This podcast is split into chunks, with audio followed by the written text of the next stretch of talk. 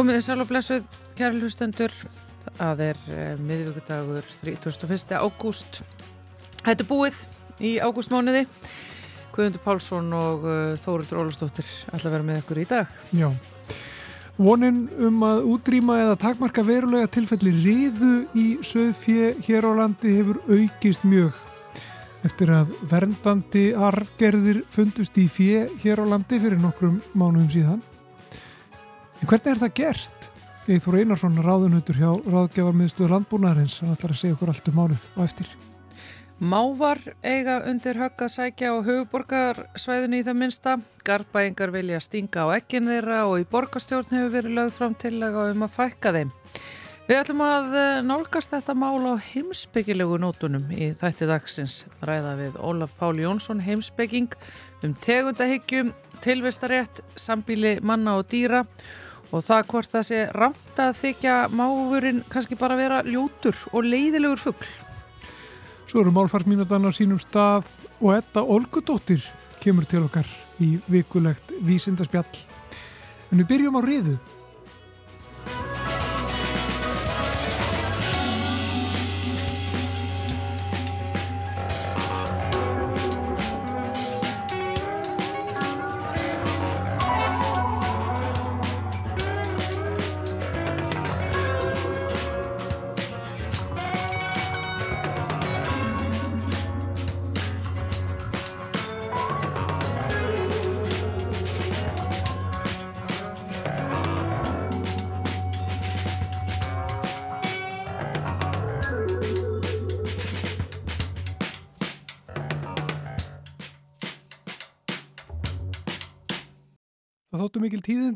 Fyrir nokkrum mánuðum síðan þegar uh, það fannst verndandi arfgerð gegn riðu í íslensku söðfjö og um, þetta hafði, já, menn höfðu vonast eftir þessu. Og það var leitað að þessum uh, verndandi arfgerðum uh, þær fundust og það er fleir en einn við erum komin í saman við Íþór Einarsson hjá ráðgjafarmiðstöð landbúnaðarins, komdu sæl Það sáður Er það ekki rétt að fundust þarna fleirin einn argerð? Já, það, það var sko miklu niðurskurður á riðu og, og allir held ég sem að eitthvað tengjast söðurækt og landnaði alveg, e, já má segja að e, samfélagið hafi svona verið farið að skjálfa yfir þessu bakslægi í riðu málum. Já, örglega flestir sem að vildu reyna að leggja eitthvað til málaða, hvað væri hægt að gera til þess að ná betri árangur í, í, í, í að spórna við riðuðekinu sem hangir yfir okkur. E, eitt af því sem að e, við vorum farin að ræða hér innan, innan ræktunargerans var að við erum reynlega bara að finna þessa eða flytja þessa argjöf inn þessa sem er, er þekkt ellendis og, og nótuð við ræktun til þess að, að, að hérna, gera fyrir fólið gegn riðu. En e, fyrsta málið er því alltaf að samt, leita betur hér. En við erum búin að lifa núna í þeirri trú í 20 ára þessi svo kallega ARR-arfgerð að hún sé ekki til á Íslandi. Það var búið að leita að henni þá. Þannig að, e, að það voru alltaf gríðarlega tíðindi þegar við dettum svo ofan á hana. En síðan er önnur arger líka sem, að, sem var sjálfsög vita að væri til en, en, en það var nú hérna, góður hjálpakokkur frumkvöldin hún Karolina í Kvamslið sem að, sem að hafði alla upplýsingar um það að á Ítalju væri að virka argerð sem að, sem að fannst hér fyrir 20 árum síðan og þannig að það var líka leitað að henni og, og, og hún er ennþátt í staðir í stofnunum. En þessi ARR-argerð sem að fannst í ferðinu þessi, það, það er náttúrulega svona, voru veruleg tíðindi að það skildi finnast í okkar fyrir og náttúrulega alveg ótrúlega hefni að lenda á þessum greipum því að, því að við fundum þetta þarna snemma í vetur í januar og, og núna er búið að taka síni úr vitt og breytt um landu, e, líklega að verða átt í 30.000 greipir en við höfum hverkið fundið þetta annar staðar hendur en þarna. Já, og hvað skýri það? Já, það er nú mjög áhugavert hvernig stendur á því. það, ég er svo sem ekki alveg svar við því en kannski var hún útbreyttari við þessi argerð þér áður fyrr og, og við höfum bara týnt henni niður þegar við höfum ekkert vitað tilvist hennar og, og gegnum árin og í rauninni aldurnar höfum við Íslandingar beitt mikið þeirri aðferð að, að, að útrýma sjúkdómum með niðurskurði og það er oft hefnast mjög vel. En í tilfelli riðunar hefur þannig gengið ítla en, en, en það er búið að, að skera alveg oft mjög stór skörð úr stofninum. Uh, það getur vel verið að hún hafi verið til og, og hafi tapast. Uh, svo getur vel verið að hún hafi komið inn einhver tíman með einhverjum hrút sem hefur einhver tíma komið til landsins einhver tíman á árum áður svo er hugsanlegt og þessi ólíklegt að það voru stökkbreyting einhver tíman í þessum stofni Þannig að við vitum það í sjálfsveit ekki nákvæmlega hver uppröðin er og hvernig stendur á því að hún finnst einungis harnar. Draumurinn er náttúrulega að losna við þennan anstíkilega sjúkdóm. Er þetta leiðin Já. til þess? Er hún, er hún fundin og, og er hún greið? Og hvernig er planið? Já, það, það er stort spurt. Já, þetta er það er nú ekki spurning að þetta er gríðarlega stert vopn í þessari baróttu. Að vera komin með þetta í hendurnar, þessa arger sem að menn eru búin að vera þjóðnýta í Evrópu og víðar á síðustu 20 árum og þar sem menn hafa einbett því að við hefum gert þetta vel, þar hefur það gengið vel. Nú ef að þessi svo kallað 1067 arger sem virkar á Ítalju virkar einni hér, þá erum við í ennþá betri málum. Og þá höfum við fleiri uppfrættur á þessu. Og þannig að, að það sem að við viljum stefna á er í rauninni að að, að, rækta íslenska sögurstofnin til framtíða þannig að hann verði þólinn ekkert riðu þannig að riða verði ekki vandamál fyrir á landi og, og ég hef full að trúa því að þetta verkefni getur skila því en vissulega mun þetta taka, taka smá tíma að innlega þetta En eru fyrstu skrefin, eru þau klár? og eru verið að taka þau?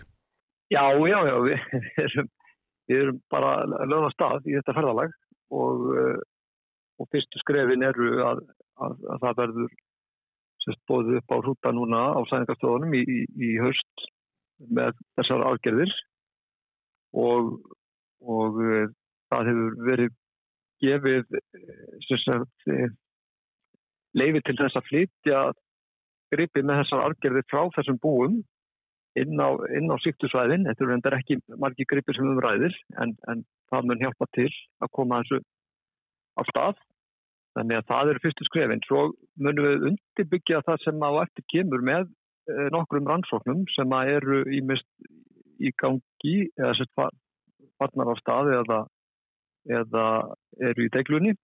Bæði hvað var það framtíða rektunarskipulag með tillit til þess að það fatta það sem að reynd verður að svara því hvað hvað er skynsalegt að gera þetta hratt og, og nota hvað trútt mikið og svo framvegs og e, e, eins bara skoða erðarfni þessara gripa sem við munum rækta þetta út frá og, e, og eins á eftir að skoða betur um, hvaða argerðir eru heppilegastar. Við erum búin að vera að skoða núna, þetta semst er stökkbreytingar á þessu svokallega príongeni sem að gera kindur misnæmar fyrir riðu allt frá því að það er einn stökkbreyting sem að veldur aukin áhættu svo er bara villi argerðin sem er hlutlur sem sem að veitir enga vend og svo eru við að vinna með þarna fjögur önnur sæti sem að eru mismikið vendandi en, en, en hafa e, trúlega öll e, vendandi áhrif að einhverju leiti og alveg ekki að vera alveg vendandi. Þannig að markmiði til að byrja með, það, væri, það er það sem við ætlum að leggja upp með bara núna, það er að, að hvetja bændur á mestu áhættu svæðum, drifu, að keira þetta hratt sem allar hafast inn og, vera hverki bánir þó að það er gefið aðeins eftir í öðrum einleikum og, og, og þetta auki skildleikar að rækt í þeirra hjörðum. En við viljum kannski stíga vallegra til jarðar með innleðingu á landsvísu það, það, það er þetta meira langtíma markmið en mjög mikilvægt samt að allir spili með og, og við, við hérna, minglum þessu inn til lengri tíma inn í, í allan stofnin þannig að þetta er svona í gróðum dráttum planið. Já, þetta hljómar eins og sko einhver svona ofurkraftur sem að, sem að uh, þetta sögfið hefur að, að það bara er ónæmt uh, í sömum tilfellum. Er Já, það, ekki, það er nefnilega al, alveg Jú, jú þessi svo kallar ARR arfgerð sem er þá stökkbreyting í, í sæti hérna um 171 á þessu príóngeni að kindur sem að bera það og allavega í arfhreinu ástandi þær geta korki tekið upp smittarni þannig að þær, þær geta ekki vegst og þær geta ekki smittað aðra kindur. Því þær þetta príónprotein það, það hérna, aflagast ekki í þeim skefnum út af riðinni og, og, og það er náttúrulega alveg, alveg magnat og það er erfitt að eiga þessa riðu þar sem að smittarni verðist lifa svo lengi í umhverfunu og við vitum ekki nákvæmlega hvar og hver lengi og, og svo frá meðis að e, það hefur svona gert e, niðurskurðar aðferðina kannski svolítið erfiða. En enga síður þurfum við að, að, að, að hérna, gæta vel á öllum smittvörnum og, og, huga vel á öllu sem við gert áður en, en e, með þetta gríðarlega sterka vopn í höndunum þá, þá er ég björnsinn á að við það séu bestari tímar framöndan eitthvað til yfirni. Já, en hvernig, hvernig er þetta gert sko, það þarf að para saman er það ekki dýr sem, að, sem eru náttúrulega mismunandi arfgerð, þurfa báðir fóreldrar að hafa þessa arfgerð eða er nóg að annað fóreldrar hafa, hvernig, hvernig er það og hvernig er fylgst með þessu? Já, það er sko, það er, er strax betra ef að einstaklingun er arfblendin E, það er að segja að hann hafi fengið argerðina frá að mista okkurstu öðru fóröldri en albest að þeir eru af hreinir og, og við erum eftir að komast betur á því sko hvort að hérna hvort að það sé e, hvort e, þeir sé að fá sömu argerðina frá hverjum aðlega hvort að til dæmis ef að, ef að ítalska hérna 1077 mun virka vendandi hvort að það skiptir nokkur máli hvort að þeir séu þá alblendnir af því og aðrar afgjörðinni en e, fyrsta skrefið er allavega að búa til alblendnagripi fyrir þá sem að eru kannski á þessum átusvæðum þá er það svona kapsmál að búa sér til hrúta sem eru arfreinir sem að fá þetta þá bæðið frá fadur og móður og þar af leiðir að þeir munu gefa öllum ákvæmum sínum uh, argjörðina þannig að öll ákvömmin verða að minnstakosti af blendin. Þannig þá mun þetta gerast mjög hratt því að ef maður er að vinna með blendnargripi þá er bara helmingurinn sem að færi þetta og þá þarf að argeða greina alla gripi til að vita hvort það fengi þetta ekki. Þegar þetta er gert, er þá ekki, e, þá þarf væntalega að gæta þess að það sé ekki ómikið skildleiki eða hvað? E, og er, það, er hægt að tryggja það þegar að þessi ARR-argerð eh, finnst bara á svona litlu svæðu og er unni bara á einum stað eða hvað? Já, það er náttúrulega verður nú stóra áskorunin kakvar drektunastarfinu uh, fyrst að þetta er bara einu uppspretta af ARR-gripun en sem komið er, það er náttúrulega ekkit útilokkað að við finnum datur annar staðar. En, en núna vinnum við út frá því að þetta sé bara frá þessu eina búi. Og það er, ef, ef við myndum gera þetta Eh, sko bara keira þetta inn að fullu gasi yfir all landið e, þá náttúrulega myndum við keira hér allt í kaf í skildleikarækt mjög hratt. Og sem að e, getur leitt að sér að, sér að, að erða fjölbyrtilegi mingi og við kannski töfum út einhvern öðrum meðleikum og svo frá þess þannig að, að við þurfum svona að stíga aðeins varlega til jarðar út af því. En, en, það, er, það er algjörlega yfirstíðanlegt, við þurfum bara að hafa þólið með því og, og, og brött sig í þessu.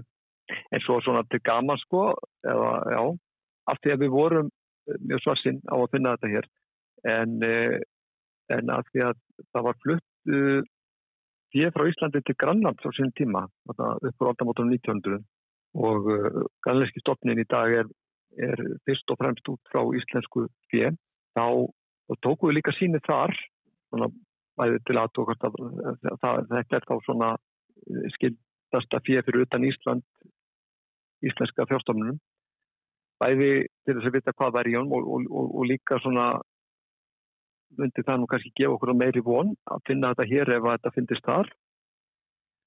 Og það reyndist vera í grænleiska fjennu þessar argerðir og mikið af þessar aðrar argerð þannig að það er ekkert, ekkert hérna, það í sjálfum sér stiður tilgáttuna um að þetta hafi verið meira um þetta hér áður fyrr en svo sem ekki sönnun, það getur að hafa ynglaði svinn með erðvætti annar staða frá. Já. en hins vegar þá, þá væri það alltaf möguleik í framtíðinni að, að skoða það að sækja tilbaka erðvætni þáka til þess að byggja hópin hérna það er allavega eh, gallenska fyrir er svip enginni íslenska hjárstofnsins algjörlega og, og, og er, er sterk sjúkdómastaðar þannig að það er svona eitthvað sem að væri alveg hægt að skoða í framtíðinni ef við verðum hrætt við og miklu skildega rætt hér. Já, ummitt. Þannig að það er ímislegt það er ímislegt í stöðinni uh, og þetta breytir öllu að hafa fundið þessar argerðir. Já, þetta breytir alveg gríðarlega miklu því að sko, það er náttúrulega eiginlega vonlust að búa við riðu. Það, þar voru endi bendur konir á, á sömum svæðum á landinu í, í algjör trót og ráðleysi þó að sumir virtust að hafa komist í gegnum hana og, og endalega var það vegna þess að, að, sumar kindur hjá þeim hafa verið sterkari náðar og, og hafa endalega verið með eitthvað af þessum argerðum sem við erum að vinna með í dag. En öðrum svæðum var þetta er þetta hlillilega lýsingar? Hvernig, hvernig var að búa við þetta?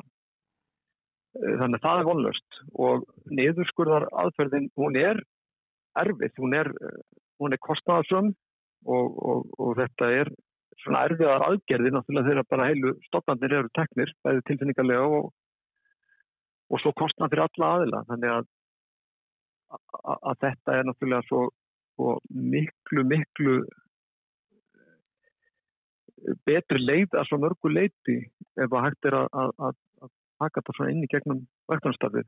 Og maður finnur það alveg hvað þetta gefur mönnum svona eh, já, von og hefur aukið bersinni manna í, í þessari grein að, að, að, að sé svona ljós á veginum í þessu. Það er gott að enda þetta bara þessum nótum uh, jákvæðum nótum og bersinum. Það er í stíl við daginn sem er hérna fyrir daglugan, það er bert yfir þessu núna. Já, og þú ert fyrir norðan? Já, ég er Eh, staðsettur með skrifstof og sögurklokki. Ég er hérna í miðju, miðju einum mest áttakasvæði kakvart riðuveikinni þannig að ég upplifði þetta náttúrulega bísna stert hér. Já. Eithur Einarsson, ráðunautur hjá eh, ráðgjáðamistur Landbúnaðarins. Takk kærlega fyrir spjallið og gangi ykkur vel. Takk.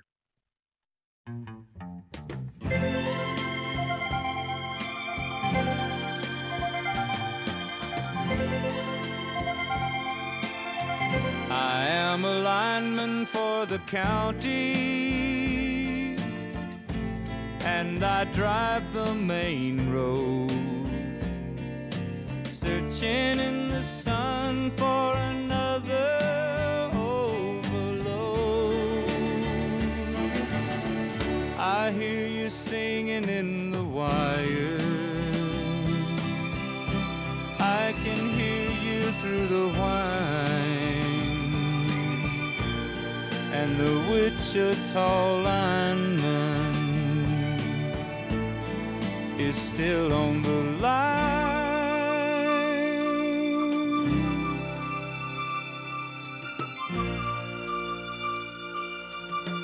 I know I need a small vacation,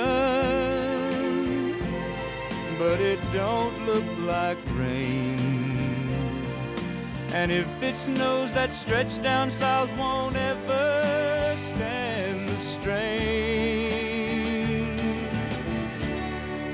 I need you more than want you. And I want you for all time. And the Wichita lineman is still on the line.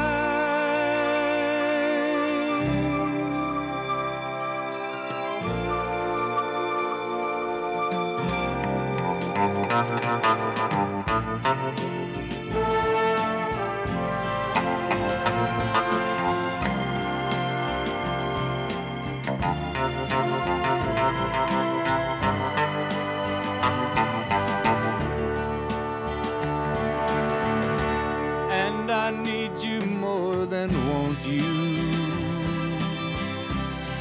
I want you for all time. And the Wichita lineman is still on the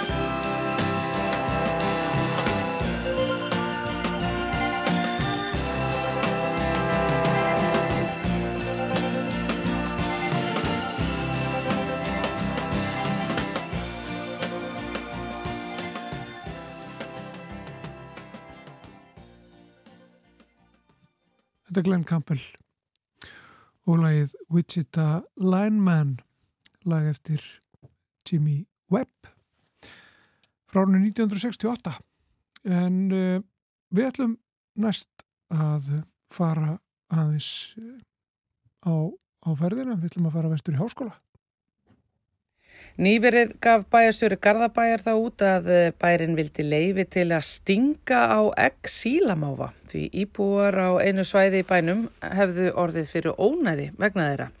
Og þá hafa sjálfstæðismenn í höfuborginni lagt fram tillögu um að greipi verið til aðgerðagagvart máfum meðal annars við tjörnina. Sambúð manna og dýra gengur eins og þetta nýlega dæmi sannar sem sagt misvel og svona staða getur kallað á miklar pælingar heimsbyggilegar pælingar jáfnvel og þess vegna er ég sest hjá heimsbyggingnum Ólafi Páli Jónssoni, sællustu. Já, sæl og blessuð. Sko bara eh, byrjum aðeins á því að hugsa þetta uppátt með að manneskur grípi til aðgerða gegn annari dýrategund eins og þessar hugmyndir hérna í höfuborginni um að fækka máfum ganga út á. Er það alltaf réttlætanlegt? Í, uh, nei, það er náttúrulega augljóslega ekki alltaf réttlætanlegt það fyrir eftir því, þetta, til dæmis hver tegundin er.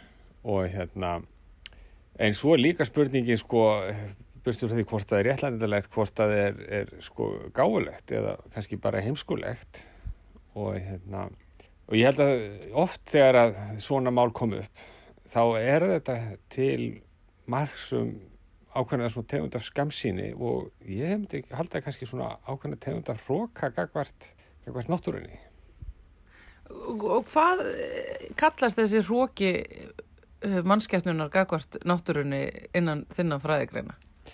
Ég veit að þetta hefur verið skoða. Já, já, stundum tala fólk svona um tegundarhróka sko, það sem að suma tegundir eru, eru aðri en aðrar og, og það er kannski bara fer kannski eftir í hvort okkur finnst dýrin sæt eða ekki eða, eða hvort okkur finnst þau hvort okkur finnst eitthvað ónæði af þeim eða ekki. En, en síðan náttúrulega þegar jú, jú, þetta koma upp tilvik eins og kannski núna í Garðabæ, ég veit ekki, ekki heim í Garðabæ það sem að er ónæði af, af, einhverjum, af einhverjum dýrum, það geta verið máar, það geta verið bara veist, sem staðir í útlöndum það bara þvottabitni sem fari í rusli hjá manni og eitthvað svona. En ég held að þetta oft sko, ég held að þetta sé mikilvægt að hugsa hugsa þetta á þeim forsendum að við séum sem manneskjur, mannfólk erum við hluti af, af náttúrinu og mjög oft þegar að það kom upp svona tilvík þá er það vegna þess að við með okkar aðtöfnum höfum komið á einhvers konar ójafvægi þannig að ef að það er allt í einu svona voða mikið af, af máum í Garðabæ og tjörninni og fólki finnst það eitthvað of mikið. Og kannski er það ef svo má segja óæðrilega mikið ég veit það ekki en dýrafræðingarnir geta kannski sagt okkur eitthvað til um það hvort þetta sé, sé eitthvað óæðrilegt kannski er þetta bara kannski er þetta bara allt í fína lægi kannski er þetta bara nákvæmlega það sem að jafnvægi náttúrunni kallar á. Og kannski er bara þetta til marg sem það sé bara gott jafnvægi náttúrunni. Og þá hefur við bara farið neyru á tjörn og dástaði hvað mávarnir eru fallegir og þeir eru mjög fallegir ekkit síður en endurnar. En kannski er þetta til marg sem eitthvað ójafvægi og þá held ég vætum að skoða sko, hvað, hvers vegna er þetta ójafvægi hér? Höfum við sem manneskjur einhvern veginn umbreytt umhverfinu þannig að, að við höfum skapað þetta ója- ójafnvægi. Og þá held ég vera nú nær að, að skoða hvað, hvernig við erum að lifa, hvað áhrif við höfum á umhverfið frekar heldur en að fara að agnúast út í greið máana sem að hérna hafa kannski gengið á lægið. En það er einmitt þetta með ójafnvægið, af því að jafnvel þó að við höfum skapað það, mannfólkið, Já. að þá fækkum við ekki okkur sjálfum. Ég meina við, við, við lokum ekki garðabænum eða, eða, eða miðbænum af því að við höfum með því að leggja þetta visskerfi undir okkur skapað ójafnvægi. Nei, en, en við getum spurt okkur svona hvernig erum við staðsett í þessu vistkerfi? Erum við að fóðra máana einhver staðar á einhverjum úrgangi?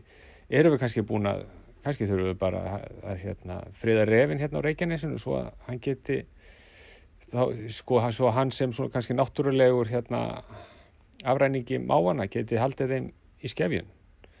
Sko, ég held að við ættum að, ættum að hérna í staðin fyrir að fara, fara hérna, gera út fó- fólk til þess að stinga á eggin í Garðabæ og ég held að hann hafi verið talað um í, í borgin að koma böndum á máanum, ég finnst það reyndar ákveðið svona skemmtileg hugmynd, svona mann, ef mann bara skilur það bókstaflega.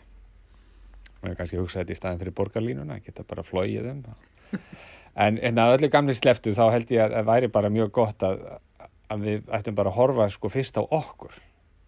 Hvernig erum við sem mannfólk hér að lifa? Hvað áhrifum við á, á umhverfið?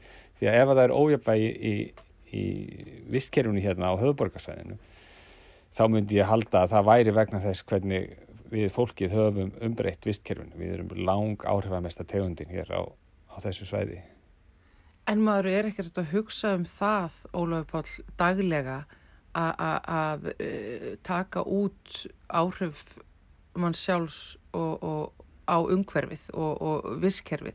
Það sem að maður hugsa um hins vegar er kannski að það sé óþólandi að mávar vomi yfir grillunum hans meðan maður að reyna að búa til kvöldmatinn að eh, mávar séu ógnandi við mann meðan maður er í göngutúr með fjölskyldunni við gálgarhraun að mávar sé að geta litla sæta hérna, andarunga fyrir framann augunum manni, grætandi börnum hans þegar maður er að reyna að lappa í kringu tjötnina.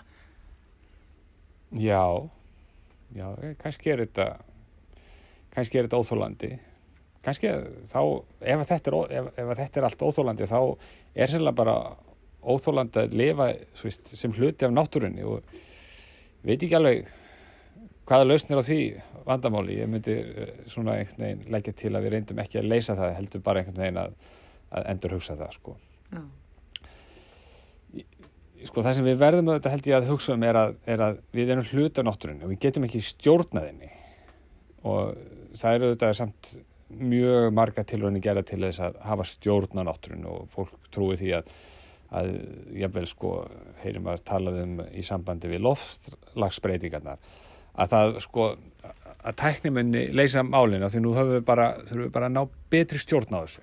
Við getum bara, bara leist þetta alveg eins og eins og hérna loftslagsbreytingar séu einhver sko umferðarnútur eða eitthvað svo leiðis en, en það er bara ekki þannig sko við, við verðum held ég bara að skilja það að við erum hluti af þessu og við verðum bara að læra að lifa með náttúrunni og við verðum bara að reyna að líta, okkur, líta meira á okkur sem gesti í náttúrunni heldur en svona húsbændur sem að höfum, já, hvað við segja, búið náttúrunni í heimsókn og hún verður þó bara að reyna að haga sér eins og eins og kurteisisvenjur okkar heimili gerir ráð fyrir.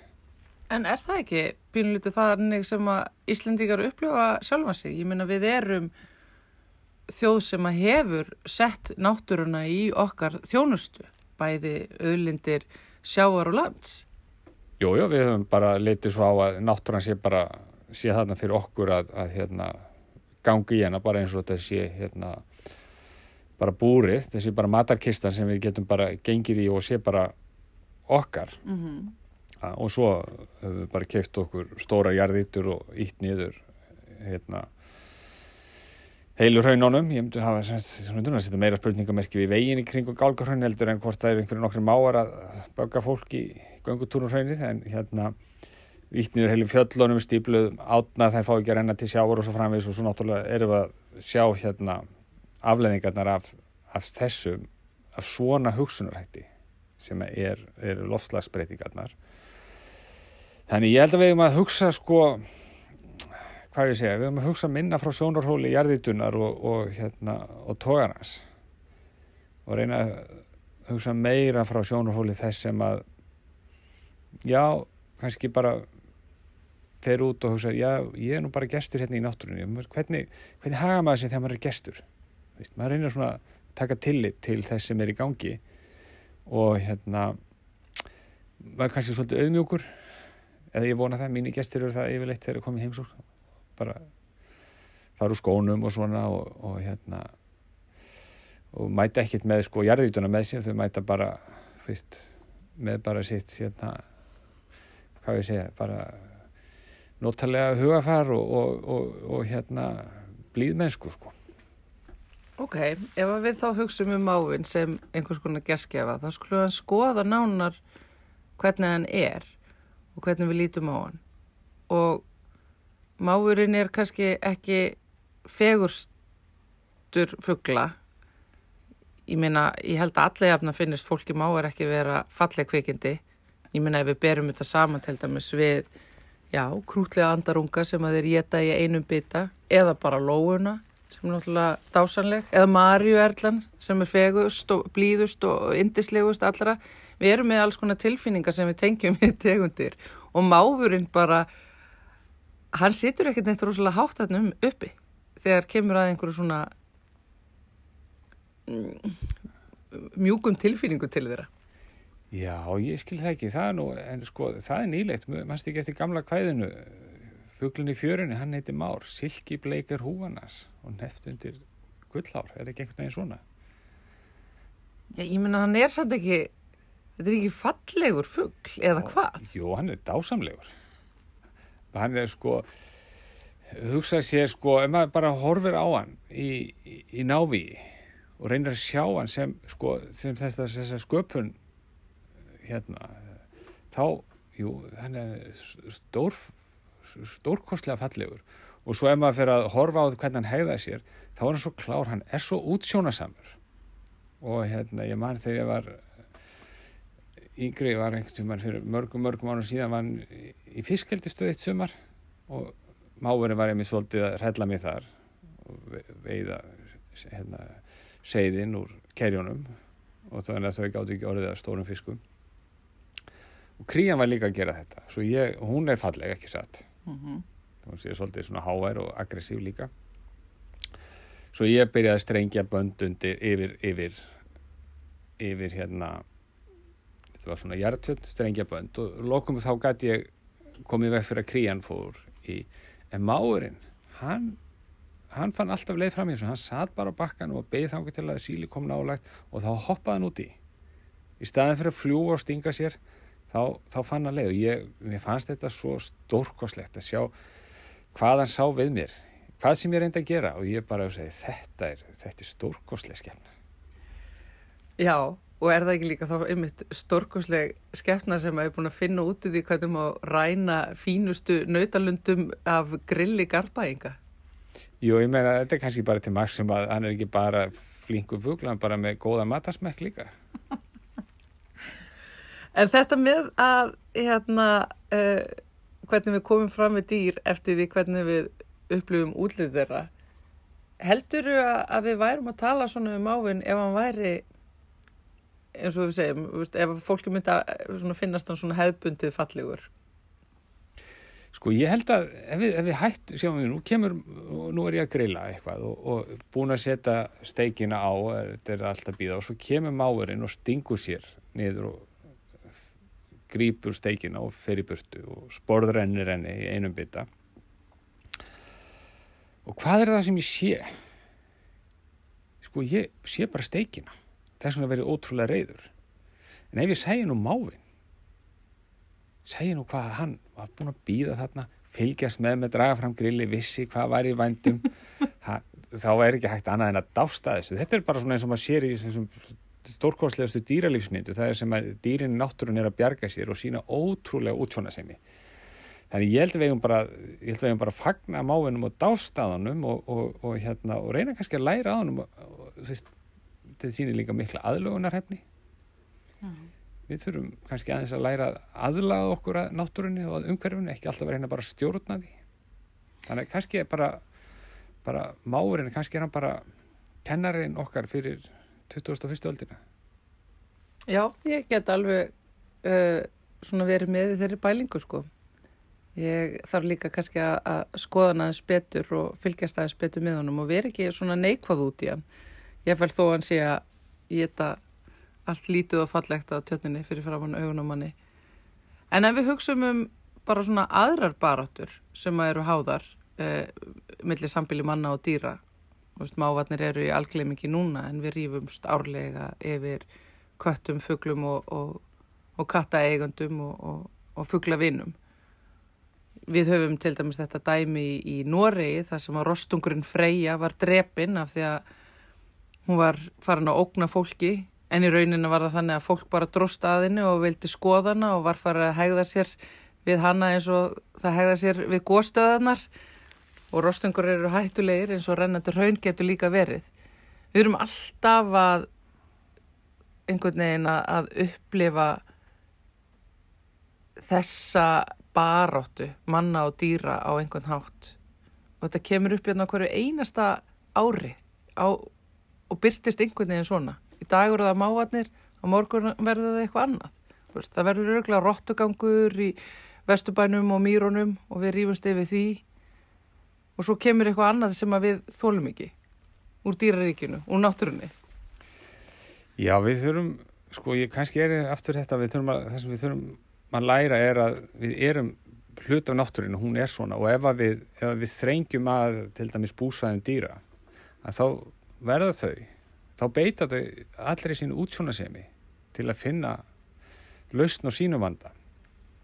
Og ég meina dæmin af rostungunum eru náttúrulega bara kannski einmitt lýsandi fyrir, fyrir Ísland. Þeim er náttúrulega fyrst fyrst er náttúrulega bara útrýmt á Íslandi. En, en síðan er farið að sko þrengja þeirra búsvæðum er, og, og, og þá verður þeir að finna sér einhver aðra leiðir og þá, þá kom upp þessir áreistrar og við sem erum búin að búa til okkar einhverja, búa, skapa okkar menningu og umhverfi sem er kannski bara alveg takti við náttúruna sem er í kring. Sko, þá, þá verða þessir áræstir en við erum þetta áræstir sem við erum bara ef svo maður segja markvist búin að efna í að búa til. Aftur við þurfum bara að þess að slaka á og, og hugsa, já við erum bara hérna í náttúrunni ef við ætlum að ef, að, ef við erum að upplifa svona áreistra þá ætlum við að spyrja byrju og hvers vegna? Hvers vegna er freyja þarna, rostungur hvers vegna er hann í einhverju smábáta höfni Nóri hvað eru náttúrulega heimkynni rostunga? Það er eitthvað það er eitthvað að. Akkur er, er, er, er þetta mjaldur komið upp í signu? Við erum eitthvað við erum búin að gera eitthvað akkur eru já og svo, svona getur við spurt sko. Þegar þessir áreistra koma að þá eru þau byrtingarmynd held ég þetta sé yfirleitt byrtingarmynd þess að, að við erum sem mannfólk erum búin að skapa einhver ójabægi Og þá er bara að sjá hvort að borgar í auðveldum og, og garbaengum tekst að endur heimta þá þetta jafnvægi á einhvern hátt og, og láta máanni í friði.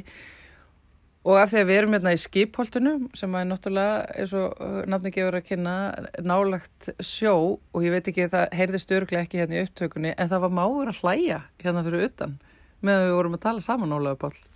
Já, já, þeir koma hérna og, og hérna og þeir, þeir koma reglulega og hlæja að mér og hrafnarnir hérna líka þeir kom, eru gætnar hér í portinu og fljúa upp og niður og, og finnst þetta óttalega, óttalega hérna, skrítið sem við mannfólki aðhafumst en ég er með stóra glukka og ég upplifi mig stundum eins og svona dýra í dýragarði og kemur það máfurinn og horfir á þig Kemur. og hlær að þér hann er náttúrulega forhertur Já, ég er að samt að vona hans ég, sko, hann sjá einhverja fegur í því sem ég er að gera, alveg eins og ég er að sjá smá fegur í, í honum, þannig að þetta sé, sé einhver gagkvæm aðdáðan.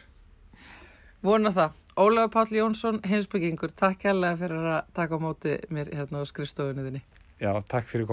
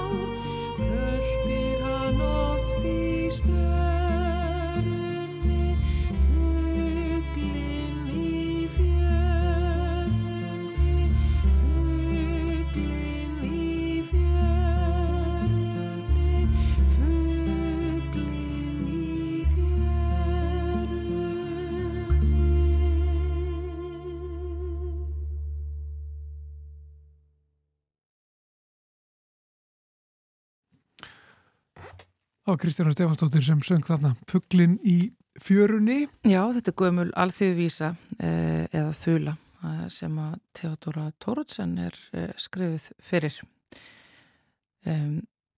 Það eru einhverju sem hafa nú velt fyrir sér hvaða máa tegund það er verið að tala um í þessari vísu.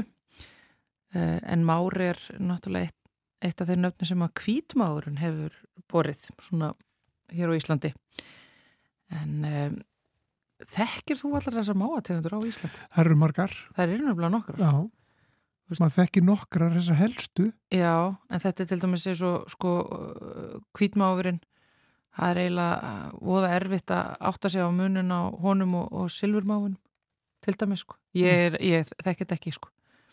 maður þekki svarpakinn bara því hann er svo stór. Já. En finnst þið má að vera ljótir? Nei, það þekki mér ekki, þekki þér vera ljótir. Máar. Allir máar.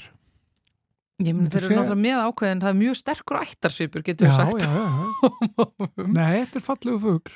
En er það eins og flesti fuglar. Já. Það er ekki bara allir. Já, það er Mm. náttúrulega sko margir sem að finnst hérna sérstaklega sko þessi stóru síla og svart, svartbakurinn og sílamáfurinn vera svona frekjulegi til augnuna. Mm. En, Til augnana, já. til augnuna. Ég veit ekki. Þetta er Ég held alltaf við þetta er getum gaman ekki farið í djúpa- Já, þetta er, Djúpa sálgreiningu á, á fuglum uh, eftir augnaráðinu. við getum heldur ekki líka ætlast til þess að, að, að, að fuglar séu hefbundið fallegir út frá skilgreiningum mannfólks. Nei, en heldur að máum þykji mannfólk vera fallegt. Það efast í stórlegum. Það efast í stórlegum. Við ætlum að fara í vísindarspjalli hér eftir smá stund en fyrst er það málfars mínúta.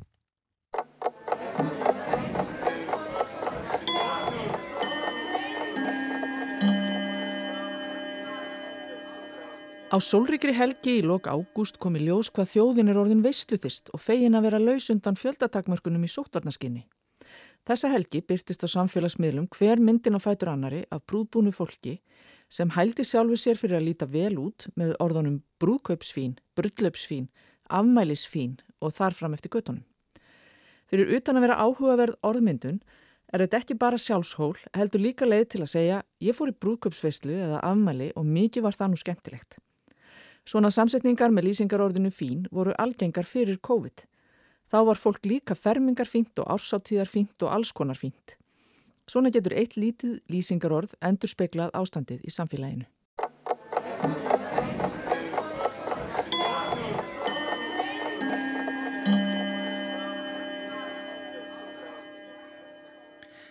Málfarsmínutana baki hér þennan miðvíku daginn á hjá okkur í samfélaginu.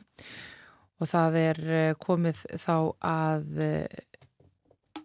það er komið að vísendarspjallinu hér Já. hjá okkur eins og alltaf á miðugudögum Edda Olgudóttir uh, sest hjá okkur og fyrir framann réttan uh, hljónum og allt saman og getur helsuð okkur. Sæl. Sælverði uh, Edda, hvað ertu með í farteskinu þínu í dag?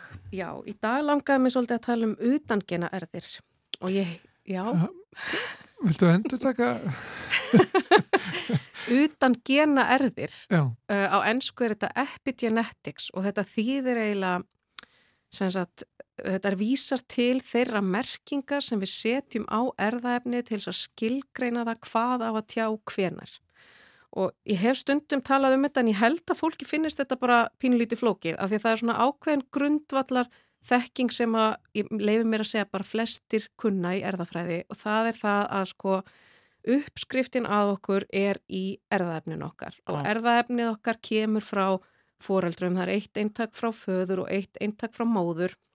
Þannig að við verðum svona að blanda þessu bæði og hver einasta fruma í okkar líka maður hefur sömu uppskriftina. Og það er erðaefnið, DNA-ið okkar.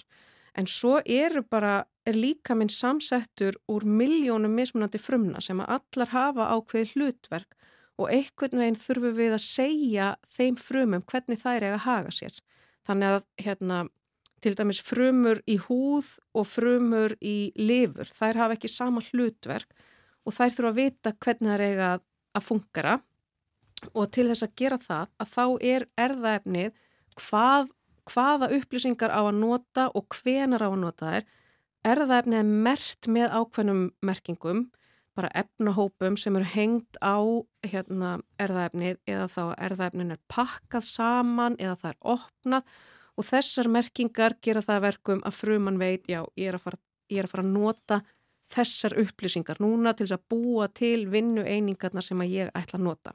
Ég held að þetta hafi verið útskipt fyrir mér í lífræðinni í gamla daga sem svona stýrikerfi á, á DNA-nu utan gena erðaefni væri þannig í raun og veru og þetta er sko, þetta er eiginlega á mörgum, hérna, mörgum stigum af því að sko eitt er að, er að pakka til dæmis hérna, erðaefninu upp á ákveðin prótín sem að mynda til dæmis litningan okkar. Mm -hmm. Svo eru líka ákveðinir efnahópar sem eru hengtir á erðaefni til þess að opna það eða halda það í lókuðu og svo eru líka prótín sem að hérna, til dæmis setjast á raðirnar til þess að virkja það að við setjum umritunina eða nótkunina í gang eða það eru hópar sem að setjast á til að hindra það að það verði einhver hérna, tjáning, þannig að hindra það að umritunin fari í gang. Þannig að Já. það eru mörg stig af, svona, af þessari hérna, stjórnun og hlutaði heitir utangina erðir.